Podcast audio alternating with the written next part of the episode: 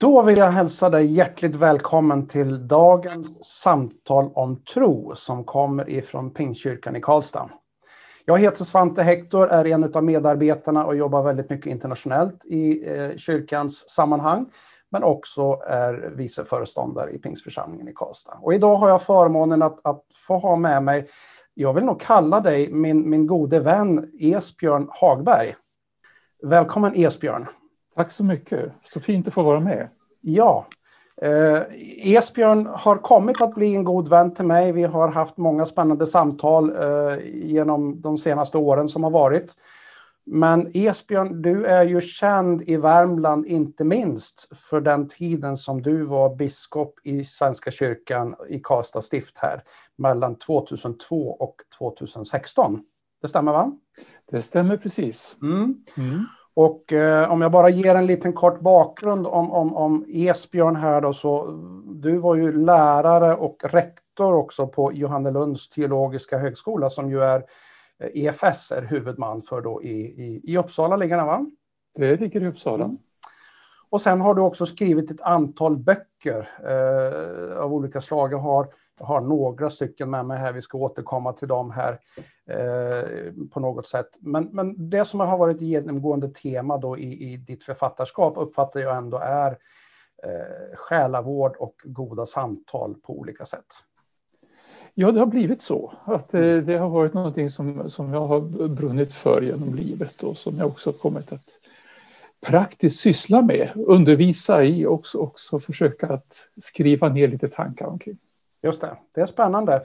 Eh, vi ska återkomma till det, men jag skulle vilja börja lite grann, mm. Esbjörn, med vem är människan Esbjörn? Och jag, jag hämtar inspiration i, i ditt herdebrev som du skrev när du var här i Karlstad. För där uttrycker du på ett ställe så här att varje människa är en berättelse.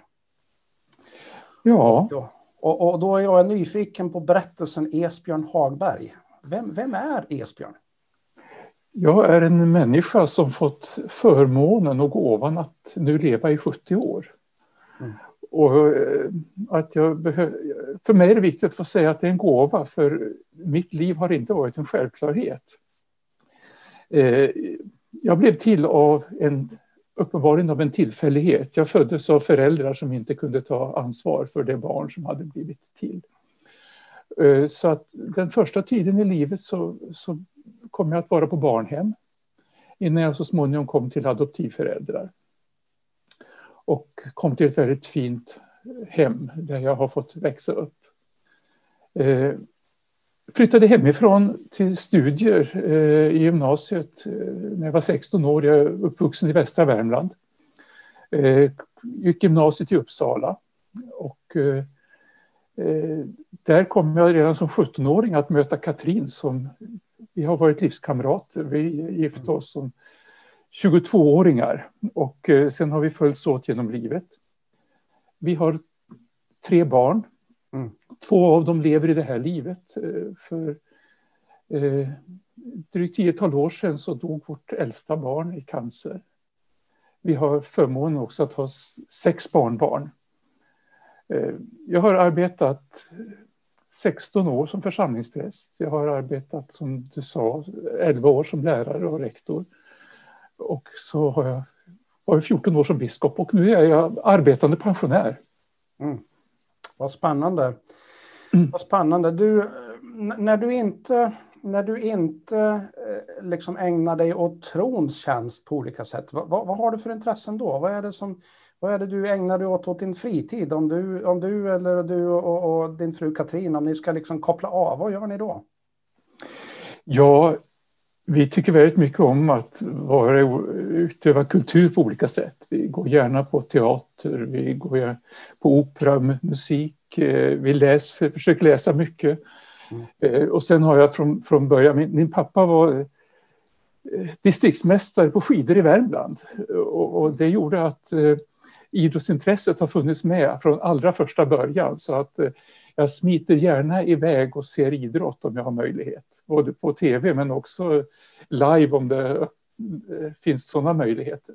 Så nu, nu när det är vinter och, och, och eh, det är skidtävlingar av olika slag på tv, då, då slår du dig gärna ner och följer det. Ja, precis. Det är, det är ju en del av pensionärslivets förmåner.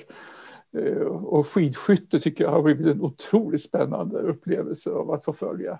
Just det. Har du någon sån här favoritidrottare som du gärna följer och lite grann hejar extra på? Det tror jag inte. Jag, jag är allätare. Eh, mm. inom, jag, jag, spelade själv en gång aktivt fotboll. Mm. Eh, och eh, ja, som sagt, jag ser det är ett ganska brett spektrum av idrott jag gärna följer. Mm. Så idrott är ett viktigt intresse. Men du, ja. jag har två frågor som, som kan vara sin motsats då, men, mm. men som ändå är lite spännande så här. Eh, om, om, du skulle nämna någonting som gör dig riktigt glad, vad skulle det vara för någonting? Och, och i nästa fråga, vad, vad är det för någon som också då gör dig riktigt ledsen? Får gärna svara på båda de frågorna där. Ja, alltså det är klart att, att det här att få vara med familjen gör mig riktigt glad. Att få, få vara med barnbarnen och leka och eh, ha förmånen att, att ha mer tid för det än vad jag hade med mina egna barn. Det, det gör mig riktigt glad. Och vad gör mig ledsen? Ja, jo men det, det är väl när eh, jag ibland känner att eh, jag inte har räckt till. Eh, när jag, när jag tycker att det här skulle jag kunna ha, ha gjort betydligt bättre. Det kan ju både handla om relationer men det kan ju också handla om andra saker som jag vill med mitt liv. Mm. Du, det är intressant du säger att, att det här med att leka med barnen är någonting som gör dig riktigt glad. Alltså, i, i något av det du har läst, det du har skrivit så, så läste jag ett stycke om där du liksom du drar en, en du kopplar ihop tron med också lite grann utav en, en lek, inte på ett negativt sätt, men det finns något mm. lekfullt i tron. Eh, så. Eh, vad tänker du kring det? Ja, jag, jag, tänker att det finns något lekfullt i, i tron och jag tror att det finns något lekfullt i Gud. Det finns väldigt mycket av humor i skapelsen. Mm. Och det finns mycket av humor och glädje i livet. Eh, och jag tänker, när jag tänker gudstjänst så tänker jag att, att den goda gudstjänsten den präglas väldigt mycket av, av lekfullhet och av av humorns distans till, till livet. Mm. Humorn är en otrolig kraft egentligen mm. till att bejaka och ta emot livet som livet är. Mm. Eh, och, och humorn kan ibland vara en enorm styrka, inte minst när livet är tungt och svårt. Mm. Du berättade här om att du har en dotter som, som inte finns bland oss här i det här mm. livet längre. Mm. Eh, hur har humorn kunnat vara liksom en ventil i, i saknaden och sorgen efter, efter din dotter? Det handlar väl väldigt mycket om att ta vara på den glädje vi fick ha tillsammans. Att eh, återvända till, till eh, alla goda minnen och goda tillfällen vi fick. Och sen har vi en fantastisk glädje också i det barn som hon kommer att efterlämna. Mm. Hon hade, efterlämnade ju både make och, och barn. Eh, och eh, vi har en enorm glädje i, i det barnet som vi också, där vi också kan både se, se lite grann av, av, av vår dotter i honom och, och, samtidigt en enorm glädje i att få följa honom i hans utveckling och kunna leva nära honom. Mm. Mm. Du, vi har ju redan glidit in lite grann på det här med tro. Mm. Hur kom du till tro? Alltså, eh, var, var började den resan? Ja, den började hemma. Eh, jag hade ju förmånen att komma till ett hem som där man, vi var, praktis, där man var praktiserande kristen. Och, och jag tror att de här stunderna när eh, jag och min bror fick krypa upp i mammas och pappas säng och vi bad Gud som haver. Det går en ängel kring vårt hus, han bär på två förgyllda ljus.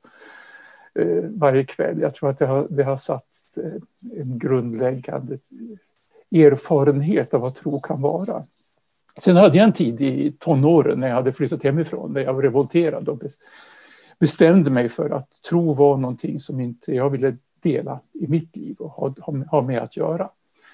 Eh, jag hade väl egentligen när jag kom till Uppsala en tanke på att kunna kanske bli präst, men jag började läsa juridik istället.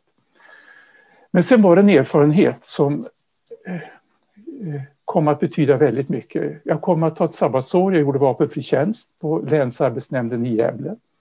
Det var ett fredags eftermiddagsfika.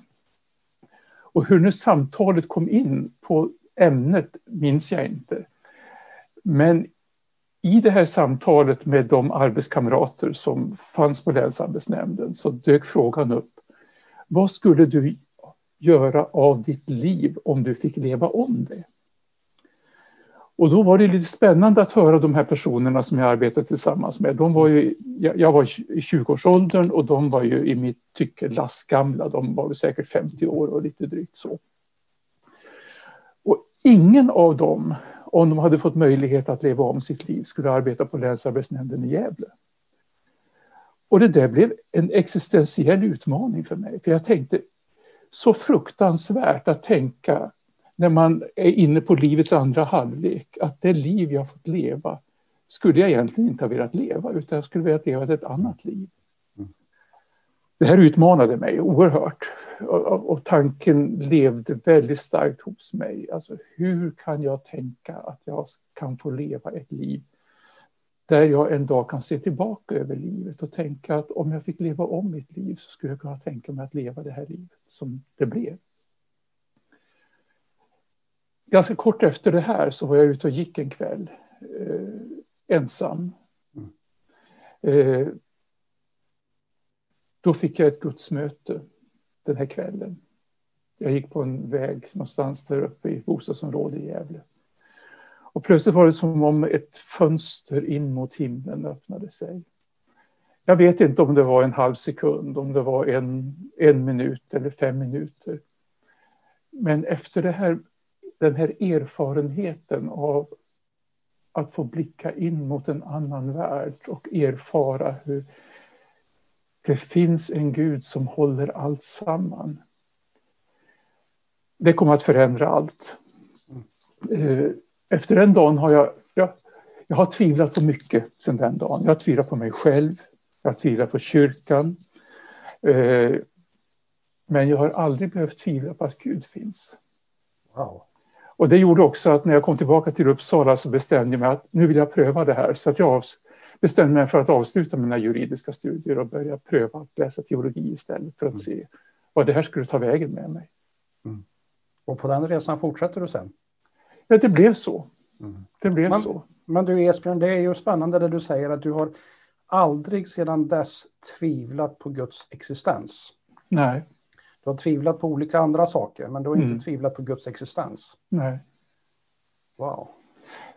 Sen har jag ibland tvivlat på vem Gud är eller vad, och vad, vad, Gud kan göra för mig.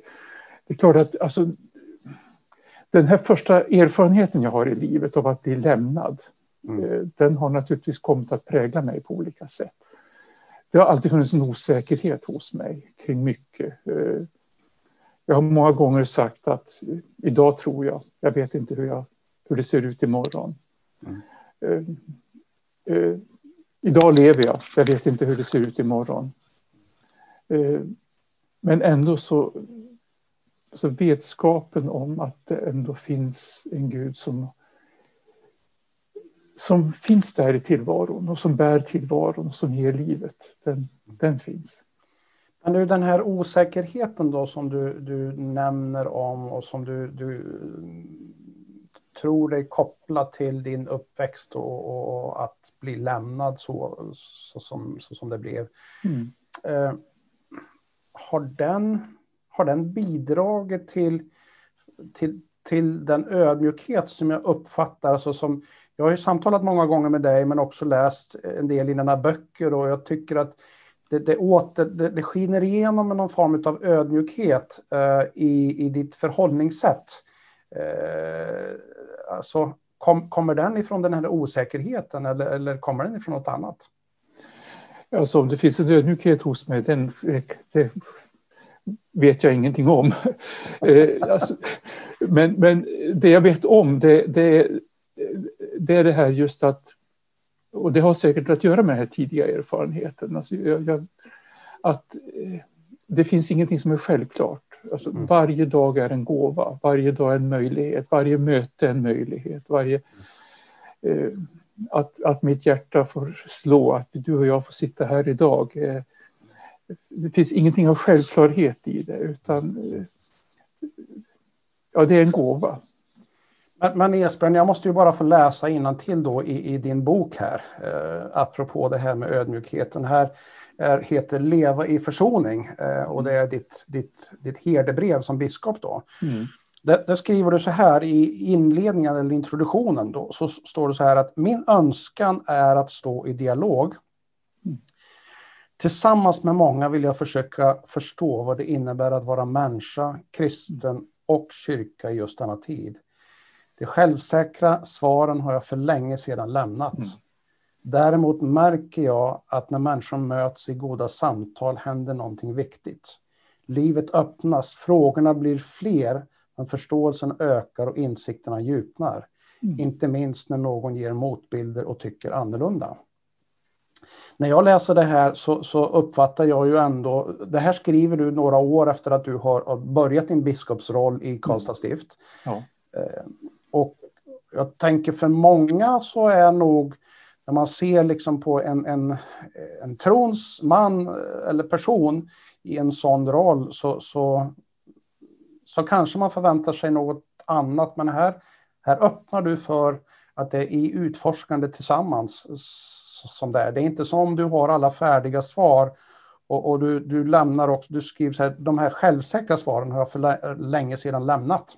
Mm. Vad tänker du när du hör det här? Igen? Jo, men eh, det är ju så. Jag tror att också med ju, ju längre livet går, ju fler blir frågorna och ju färre blir de här självsäkra svaren. Jag, som tonåring så visste jag nog det mesta. Eh, men idag så är det nog mycket som jag inte vet och, och, och livet är större än vad jag, än vad jag för, har förstått. Och, och Gud är mycket större än vad jag kan förstå och tron är mycket större. Och, och varje människa jag har mött genom livet visar sig att om man får sitta ner en stund så är den människan mycket större än vad jag först trodde. Mm. Så att, att eh, man säger, det blir med allt större förundran tycker jag som jag, jag får, får möta livet. Och, och jag tycker många gånger att, att frågorna öppnar mot det förunderliga medan svaren ofta förkrymper. Eh, allt det där självsäkra gör att jag på något sätt låser in det i en färdig, i en färdig låda. Och, och det är så mycket i livet som inte ryms i den där färdiga lådan vad gäller både begränsningar av tid och rum. Och jag tycker att det är de svåra sakerna jag har upplevt i livet så, så, som naturligtvis har väckt väldigt många olika frågor i livet. Och inte minst naturligtvis den här svåra erfarenheten av att förlora ett barn det jag också tänkte många gånger, att hur, hur ska det bli? Kan, kan min tro bära också en sån erfarenhet? Och så visar det sig att det gör det. Mm. Och det är klart att det väcker också en, bara en förundran eh, inför att, att det kan få vara så. Och att Gud är så stor och kan möta också i det svåraste. Jag hör av dig som ändå har, har din tro har liksom eh, lett till det är en större Gud mm. som kanske är svårare att greppa än vad du trodde. Mm. Men han är större. Mm. Ja, alltså det, det, sägs ju ibland att, att det kan vara så att vi går i livet från barnslighet till barnslighet. Alltså att eh, den här barnatron som där allting på något sätt bara får vara självklart därför vi ställer inte några stora frågor inför det. Och så kommer livet med all, alla de frågor och utmaningar som livet ställer på många olika sätt. Och så hamnar man en gång, så småningom i livet tillbaka i det där, en, en stilla förtröstan inför, inför ett liv som bara, bara blir större. Mm. Det går att också som 70-åring be Gud som haver. Mm. Och både vara liten och samtidigt få vara stor samtidigt. Mm. Du, eh, jag måste återkomma till det du sa förut här när, i ditt samtal, eller det här samtalet som påverkade dig så kraftfullt i Gävle där. Mm. Där du reflekterade över att du ville leva ett liv där du kunde se tillbaka på, på livet, att wow, det här var meningsfullt och inte ångra dig. Mm. Hur är det nu? När du liksom, nu är det några år sedan du, du lämnade din biskopsroll mm. här, det, det blir väl fem år i sommar här. Mm. Eh, och eh, du är ju fortfarande väldigt aktiv så, men när du ser tillbaka på ditt liv, blev det så att du liksom känner att Nej, men det, här, det här var det jag ville leva eller, eller tänker du att du skulle vilja levt ett annat liv? Eh, jag satt i bilen på väg till ett jubileum. Och det var ett, ett, jubileum att jag hade varit präst i, då var det att jag hade varit präst i 35 eller 40 år. Sånt här. Eh, och så ställde jag precis den här frågan till mig själv. Eh, och jag kan säga det att tårarna kom i mina ögon när jag tänkte, ja, om jag fick leva om mitt liv så skulle jag mycket väl kunna vara tacksam om det hade fått bli det här livet som jag har fått leva. Mm. Det är klart att det finns enskildheter i livet som skulle naturligtvis ha kunnat se annorlunda ut. Men jag är så jag är tacksam över det liv som har blivit och jag är tacksam över att jag kan få tänka så. Du, inför det här samtalet så, så, frågade jag dig om du hade någon bibeltext eller bibelvers som, mm. som har betytt extra mycket för dig mm. och som du ville att vi skulle ha med i det här samtalet. Och då, då kom du tillbaka till mig med, med en text ifrån Johannes evangelium, det sjätte kapitlet och 68 versen. Mm. Och kontexten är ju att, att Jesus eh, i det där kapitlet som är ett ganska långt kapitel så har ju dels Jesus gjort det här brödundret med flera tusen människor. Mm. Han har gått på, på vattnet eh, och mött sina lärjungar som, som var förskräckta. Och sen så blir det en dialog och det blir en ganska så, ja, vad ska man säga, lite utmanande. Jag skulle mm. säga att Jesus provocerar rätt många mm. utav, med mm. sitt sätt att tala om att jag är det levande, levande brödet och, och Mm. Till och med så här att han uttrycker sig att, att människor ska äta eh, hans kött och dricka hans blod. Och det mm. blir för mycket för många lärjungar och, och en del vänder sig ifrån honom där. Mm. Och så ställer han frågan då till, till, till de tolv lärjungarna då. Mm. Eh, hur blir det med er då? Tänker ni också lämna? Och då, och då i, i den 68 versen så står det så här då. Simon Petrus svarade honom. Herre, till vem skulle vi gå? Du har det eviga livets ord. Mm. Varför är den här bibelversen så viktig för dig? Ja, det, det är väldigt många olika perspektiv som det här har blivit viktigt. Dels, jag, jag lever väldigt mycket kyrkoåret, vi är på väg in i fastan. Den, den söndag som nu kommer och väntar är fasta söndagen. Jag tänker att i de texter när vi får följa Jesus på väg upp mot Jerusalem så, är det hela så möter han hela tiden människor som söker sig till honom, ibland som en sista utväg, ibland som en första utväg kanske. Men människor som, som väljer att komma till honom i hopp om helande och försoning. Det är det ena perspektivet. Ett annat perspektiv är att jag tänker att vi lever på många sätt i en utmanande tid där, där kristen tro på flera sätt ifrågasätts ute i världen. 1900-talet var de stora martyrernas tid. Alltså aldrig har så många kristna fått dö för sin tro. Eh, jag tror inte 2000-talet blir annorlunda. Också i vårt närsamhälle märker vi att människor av kristen tro blir allt mer ifrågasatta på olika sätt. Och då tänker jag att i en sån här tid när, när vi utmanas på många sätt kring vår tro så ställer vi många gånger den här frågan.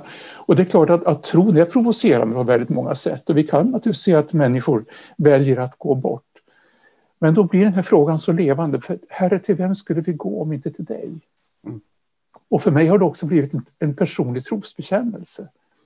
Inte minst i mötet med, med de svåra personliga erfarenheterna i livet. Det är naturligtvis, eh, som jag antydde, den här frågan kom. Eh, inför vår dotters död och andra svåra erfarenheter i livet. Var ska jag ta vägen? Mm. Det finns alltid ett val. Alltså det svåra i livet kan driva oss bort, mm. men det kan också driva oss närmare. Eh, där jag kan inse att alla de obesvarade frågorna, allt det svåra i livet, det är då jag behöver dig mest, Jesus. Mm. Det är då jag mer än någonsin måste ty mig till dig. Inte för att jag alltid begriper mig på dig och inte för att jag alltid förstår vad som händer eller förstår meningen i det som händer eller ens kan tänka att det finns en mening. Men just därför behöver jag dig mer än någonsin. Herre, till vem skulle jag gå om inte till dig? Mm. Så att det här, det här, har på många sätt både blivit en viktig del i min, min reflektion kring vad det innebär att vara kristen i den här tiden. Och den utmaning den innebär, men också som sagt en väldigt personlig trosbekännelse.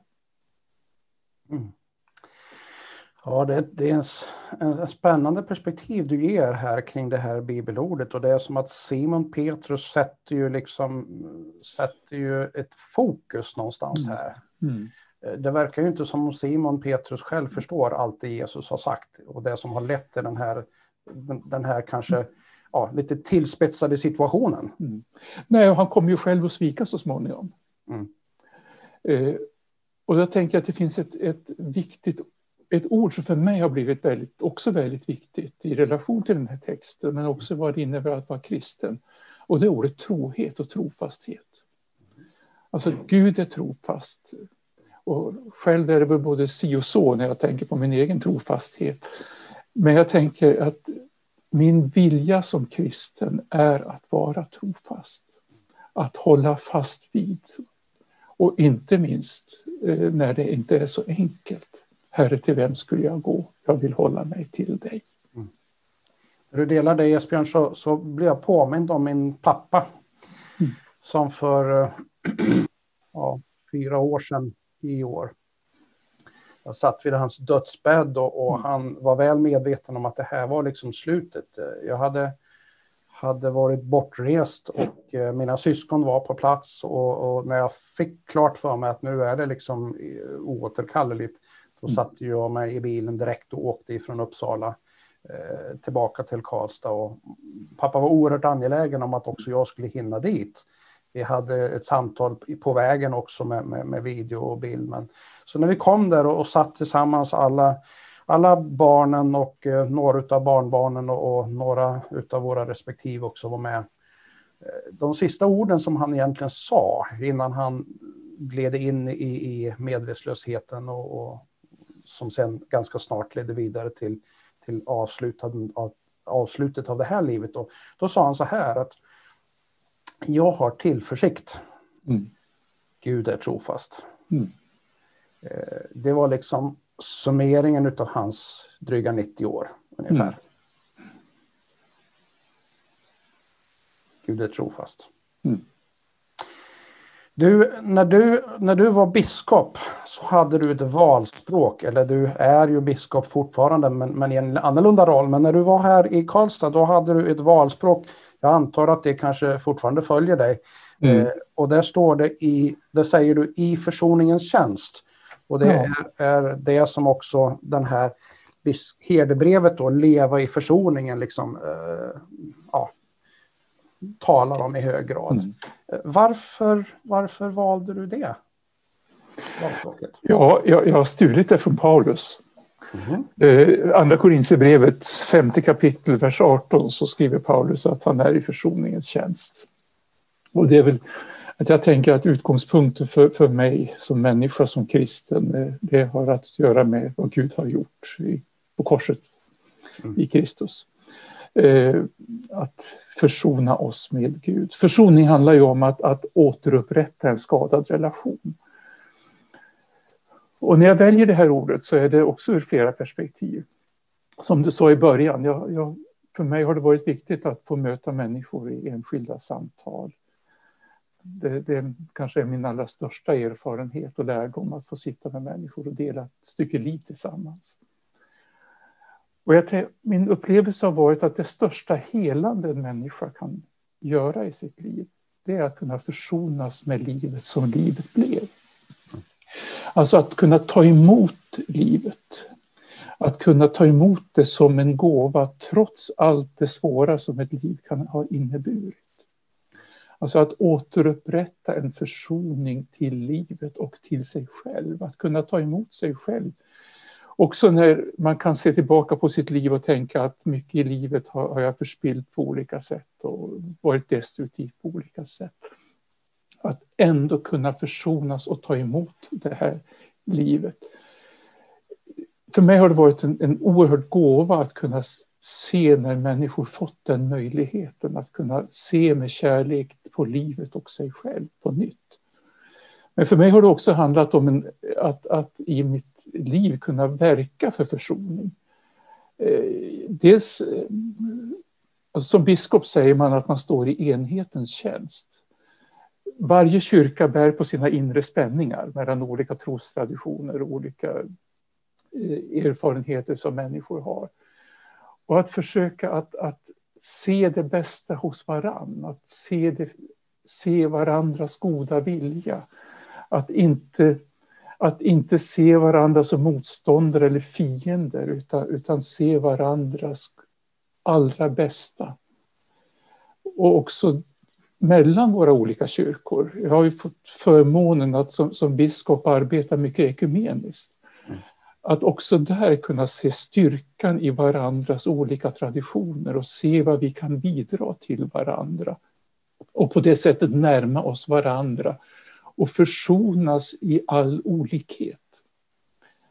Eh, ja, det här är olika perspektiv som för mig har blivit viktiga som gjorde att jag en gång valde det här valspråket. Men, men, om jag då ställer en fråga om försoning. Det här är ju ett ord som kanske inte gemene man i, i Sverige har riktigt, riktigt på sig liksom vardags, i sin vardagsspråklåda. Mm. Eh, men om vi ändå skulle landa i, i, i lite grann eh, det, det, här ordet försoning då. Eh, vad innebär det egentligen? Alltså måste man Måste man, eh, för du nämner att man kan försonas med någon som man har olika åsikt med eller man, man mm. har olika tro kring. Vad innebär då försoning? Alltså måste man, måste man komma överens och landa att nu är vi överens innan man försonas? Eller vad, vad är grunden för att kunna försonas? Jag tänker att alltså, början till försoning handlar alltid om att tala sant om livet. Och det handlar om, om man ska försonas med mitt eget liv, så att säga kunna, kunna ta emot livet som livet blev, så handlar det om att kunna tala sant om det. Och så handlar det också om i våra om vi har en oförsonlig relation med en annan människa, om vi står i konflikt med en annan människa, så börjar det alltid med att vi kan tala sant. Om hur vi ser på livet, om vi känner, vad vi känner, vad vi tycker. Och, och att ur ur detta att tala sant försöka att hitta tillbaka till varandra. Inte så att man, inte så att man måste tycka lika. Inte så att man inser att vi har sårat, att man, att man här, tar bort eller nonchalerar det som har, har skadats genom livet. Men att man ändå försöker att ta emot varandra som människor. Eh, ytterst sett som en, att den andra är också en människa som är önskad och älskad av Gud, precis som jag själv vågar tro om mig, mitt liv, att jag får vara önskad och älskad av Gud. Mm. Det är intressant. Jag tänker ju ofta på, jag återkommer ofta till första kapitlet i, i första Moseboken som just mm. talar om det här att vi är skapade till Guds avbild. Och jag försöker påminna mig det när jag möter också människor som jag mm. kanske inte alls delar vare sig tro eller uppfattning med. Mm. Eh, eller människor som har, har en totalt annan livsfokus än vad jag har så försöker jag påminna mig om att men den här människan är också skapad till Guds avbild mm. och, och har en potential. Den må vara tilltufsad, den må vara, mm. vara liksom, ha varit utsatt för alla möjliga konstiga saker, men, men den har ändå inneboende det här det gudomliga DNA och möjligheten mm. utav att reflektera Gud på, på, på något sätt. Mm. Det är inte bara jag.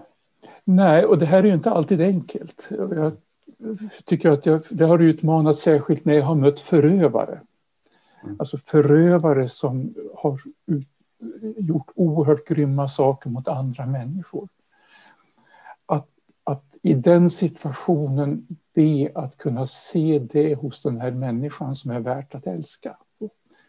Och för mig har, tänker jag att det finns alltid någonting hos en annan människa som är värt att älska. Inte i vad hon har gjort eller vad hon har åstadkommit. Utan vem hon i grunden är. Mm. Och då återkommer vi till det där. Också en människa som, som är skapad och älskad av Gud. Som jag tolkar det du säger då att försoningens liksom kärna handlar inte om att, att liksom fastna i det som människor har gjort i första hand, utan att mm. komma bortanför det och, och, och, och få människorna att mötas. Människan möter människan. Mm. Försoning handlar ju mycket om att göra den andra till människa. Mm. Alltså, I den stund vi gör en människa till fiende så gör vi ofta en människa till någonting annat än människa. Vi låter henne bli en fiende eller vi låter henne bli en rival eller vi låter henne bli, bli någon som vi på no, något sätt ska, ska eh, besegra eller något.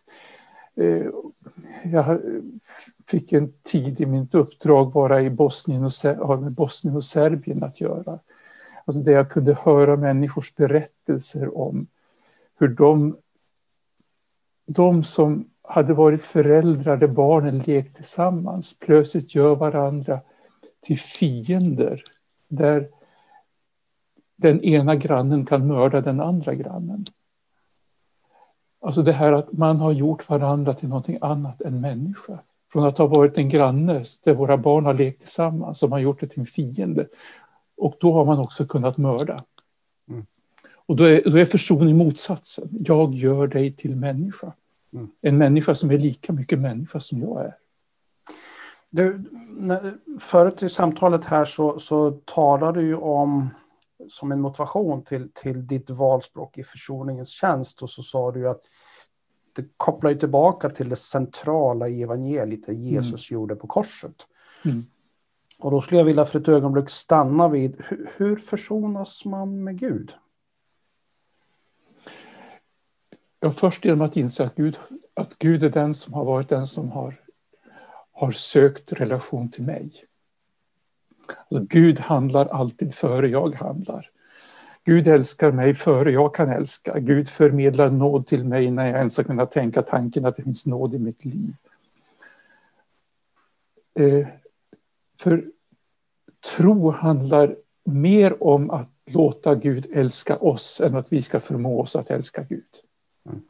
Att det handlar om att kunna överlämna sig själv i Guds hand. Alltså det är en överlåtelseakt. Jag släpper taget om mitt liv. Jag släpper taget om allt det som jag ser som min, min kunskap, min styrka, min förmåga. Och, och, och lämnar mig själv till Gud och låter, och låter Gud möta mig. Jag tror att det här kan låta ganska invecklat. Men det, om vi jämför lite grann med, med, med en kärleksrelation en kärleksrelation där jag överlåter en del, mig själv till en annan människa. Att låta den människan få tillfälle att älska mig. Så kan jag tänka mig att, eh, så vill jag tänka att eh, ungefär så här är det också i relationen till Gud. Så försoningen med Gud är i grund och botten en, en, en, en, kär, en kärlekshandling eller en kärleks ett, ett spänningsfält i, där, där kärleken är det som verkar och gör den stora skillnaden. Ja, jag låter mig älskas. Mm. Och på det sättet ges en möjlighet för mig att kunna älska tillbaka. Och där ligger då att om jag ska låta mig älskas av Gud så måste jag någonstans ge, ge, ge, ge utrymme för att när Gud finns och jag vill välkomna Gud in, att låta honom älska mig. Ja. Precis som att jag släpper in en annan människa i mitt liv. Mm. Mm. Släpper du in Gud i ditt liv? Ja. Mm. Du, kan, du kan inte ha en relation med en människa om du inte tror att den människan finns. Nej. Nej, precis. Och jag kan inte ha en relation till en människa om jag låter det vara en dörr som är stängd mellan oss. Mm. Utan, utan det handlar ju så mycket att ju mer jag låter en människa lära känna mig, mm. eh, ju mer kan den människan också älska mig. Mm. Och, det, och det märkliga är att ju mer vi kan visa vår egen sårbarhet, ju mer kan vi också älska varandra. Vi mm. tänker ju ofta att ju, ju, mer vi kan visa varandra av styrka så, kan, så blir det ofta att vi kan imponeras av varann. Mm. När jag berättar om allt jag kan för en annan människa så kan, så kan den i bästa fall imponeras av vad jag har lyckats åstadkomma. Men ju mer jag berättar om min egen sårbarhet, ju mer kan den människan också älska mig. Spännande, spännande. Du, eh, du skrev ju, och jag läste i det här förut, min önskan är att stå i dialog. Mm. Och du har ju skrivit en bok som heter Själavåg vid köksbordet. Mm. Och sen, jag tror det var 2014, så kom den ut i en ny tappning. Mm. Nya förutsättningar hette den. Det var ett samarbete med Pingst. Mm. Jag tror att den gavs ut i 3000 exemplar eller något sånt här. Ja, det stämmer bra. Eh, och eh, den, den var en del i en ledarutbildning för väldigt många både pastorer och, och missionärer och eh, lekmän inom pingströrelsen i Sverige. Mm. Och i den här boken så har du då ett kapitel som handlar just om goda samtal. Mm. Jag tänker att i, i mångt och mycket så har vi ju liksom det här samtalet varit präglat av det där goda samtalet, eh, så som jag uppfattar det hela. Men, men jag skulle ändå vilja att vi stannar en liten stund vid mm. goda samtal. Vad är det för någonting som kännetecknar ett gott samtal? Ja, jag tror att det är flera saker. Eh, det första är att ett, ett gott samtal måste få ta tid. Eh, precis som det här samtalet har fått ta tid. Mm. Att vi får möjlighet att ibland tala till punkt. Mm. Ser vi på de samtal som finns i, i media så mm. är det ju ofta motsatsen. Man får två minuter på sig att formulera sig. Just det, och, och nu kör vi lite längre än vad vi brukar göra på de här goda sam samtalen. Ja. Okej okay då. Ja, det får ta tid, det, det tänker jag det första. Det andra är att, att jag har en förväntan på den som jag samtalar med. Mm. Jag tror att du har någonting att säga mig, jag tror att du har någonting att lära mig. Eh, jag tror att du har någonting att bidra med som gör att när jag går ifrån det här samtalet med dig, Svante, så tror jag att jag går ifrån det här samtalet som en rikare människa. Mm. Eh, så att förväntan är viktigt. Att jag tar emot den andra med accepterande jag tar emot den andra som den människa den, den, är, med de känslor den här människan har. Det betyder inte alltid att jag, tyck, att jag behöver tycka som du tycker eller att jag behöver tycka ens att det är bra det du tycker. Ut, men jag, jag, jag är beredd att ta emot dig. Jag är beredd att acceptera. Och jag tänker att om jag vill en annan människas förändring så måste det alltid börja med att jag tar emot en människa där hon befinner sig i sina tankar, i sina känslor i det som har varit den här människans historia som leder fram till att hon befinner sig i åsikter och erfarenheter just där, där hon är. Accepterande, alltså ett annat ord. Empati är tredje ord, det vill säga jag försöker förstå utifrån hur du tänker och hur du känner. Det är så lätt att man försöker förstå utifrån hur jag själv skulle tänka och känna i den situation du själv var. Men att, att försöka att sätta sig in i den andra människans värld. Visserligen vet jag att jag aldrig fullt kommer att förstå, men jag vill ändå försöka att förstå. Och sen det där som ibland kan vara så svårt. Det där att hellre lyssna än att själv ha synpunkter och tala. Mm. Mm. Hur, hur, lyckas man med det, Esbjörn?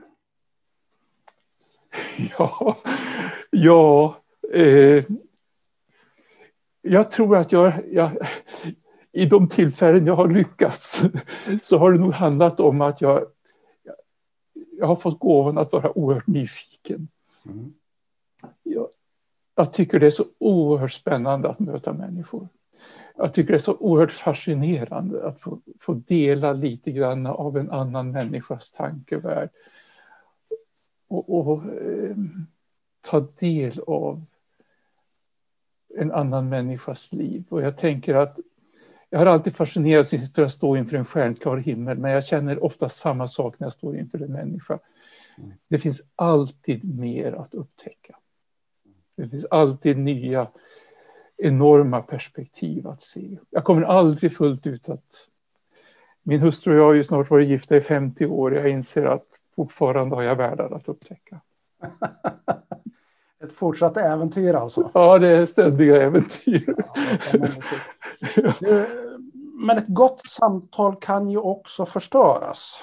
Ja. Vad är det som förstör ett gott samtal? Alltså, om man nu strävar efter ett gott samtal, eh, och, du, din, din första bok som vi, som vi nämnde om här då var ju just själavård vid köksbordet. Mm, mm. Eh, goda samtal vid köksbordet. Vad är det som kan förstöra ett sånt där gott samtal? Ja, det, det, det, tror jag är ungefär motsatsen till det, det jag har sagt. Det vill säga att, att eh, jag är inte beredd att lyssna till dig. Jag är inte beredd att ta emot dig. Jag är inte beredd. Jag är inte beredd. Jag, jag, jag tror inte att du har någonting att säga mig, utan jag, jag, jag tror att jag ska undervisa dig om, om hur saker och ting ska vara. Eh, att, jag, att jag på olika sätt förkrymper dig i, i samtalet. Mm. Eh, och att jag inte är beredd att ta emot dig som en människa som är värd att älska. Mm. Mm. Så egentligen motsatsen till de andra sakerna ja. du sa. Mm. mm. Vi, ta, vi, tal, vi, talar ju ibland både på arbetsplatser och, eh, och jag tänker också i, i, i kyrkans gemenskap att mm. eh, vi önskar att ha ett gott samtalsklimat. Mm. Vad är det för faktorer som då är viktiga för att, att faktiskt skapa det här goda samtalsklimatet där, där det finns... Själv jobbar jag ju mycket då som mentor och coach och, mm. och där, där så, så pratar man att, att man behöver skapa det trygga rummet först mm. innan man överhuvudtaget kan egentligen hjälpa en människa vidare eh, kring någonting. Hur, hur, hur gör man det från ditt perspektiv? Ja, alltså jag tänker att det du säger är viktigt, det här att, att skapa trygghet, det vill säga att vi kan, att vi kan lita på varandra. Och i det så handlar det, jag återkommer ofta till det där idag, det här att kunna tala sant. Att tala sant om livet, att en miljö där, där vi både kan dela glädjens, glädje med varandra, vi kan skratta tillsammans, men vi kan också dela sorger med varandra, vi kan gråta tillsammans. Eh, jag tänker att alltså min bild av vad en församling skulle kunna vara är just en plats där all, hela min mänsklighet får rymmas. Där jag får rymmas med mina, mina gåvor och mina, mina, eh, mina goda förutsättningar, men jag får också rymmas med min, min sårbarhet och min utsatthet. Jag tror att vi lever på många sätt i ett samhälle som är oerhört krävande.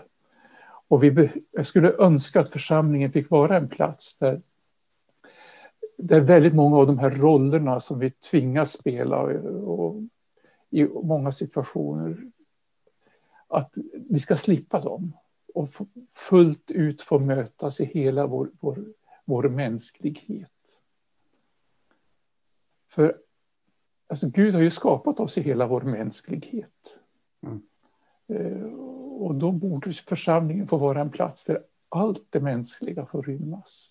Också det som vi både kan känna skuld inför och, och känna skam inför. Mm. Vad spännande. Det kopplar till, till den, en bild som jag också tycker om att, att, och ibland säger offentligt att kyrkan är inte en plats för perfekta människor, utan kyrkan är en, en verkstad där människor får komma som de är och mm. få få renoveras i Guds, Guds kärleksfulla eh, gemenskap. Ja, och där jag som syndare får möta dig som syndare. Mm. Och så får vi erfara det fantastiska i att tro oss kunna vara förlåtna syndare. Mm. Jag är en sårad människa som får möta dig som en sårad människa. Och så får vi tro att i det mötet så får det ske ett helande. Wow, vilket spännande samtal Esbjörn. Tack för att du ville vara med i Samtal om tro ifrån Pingstkyrkan i Karlstad. Och vi ska, vi ska avsluta, tänker jag, eh, vårt samtal så här. Men vad vore väl bättre eh, än att ändå avsluta med en bön? Vill du, vill du leda oss i en bön tillsammans? Mm. Tack Gud för livet som du har gett oss. Hjälp oss att ta emot livet med förundran och tacksamhet. Hjälp oss Gud att våga lita till att det är i dig som vi lever och rör oss och är till. Välsigna Gud oss Välsigna Gud de människor som för oss är viktiga. Välsigna Gud allt det som är livet. Amen. Amen. Amen.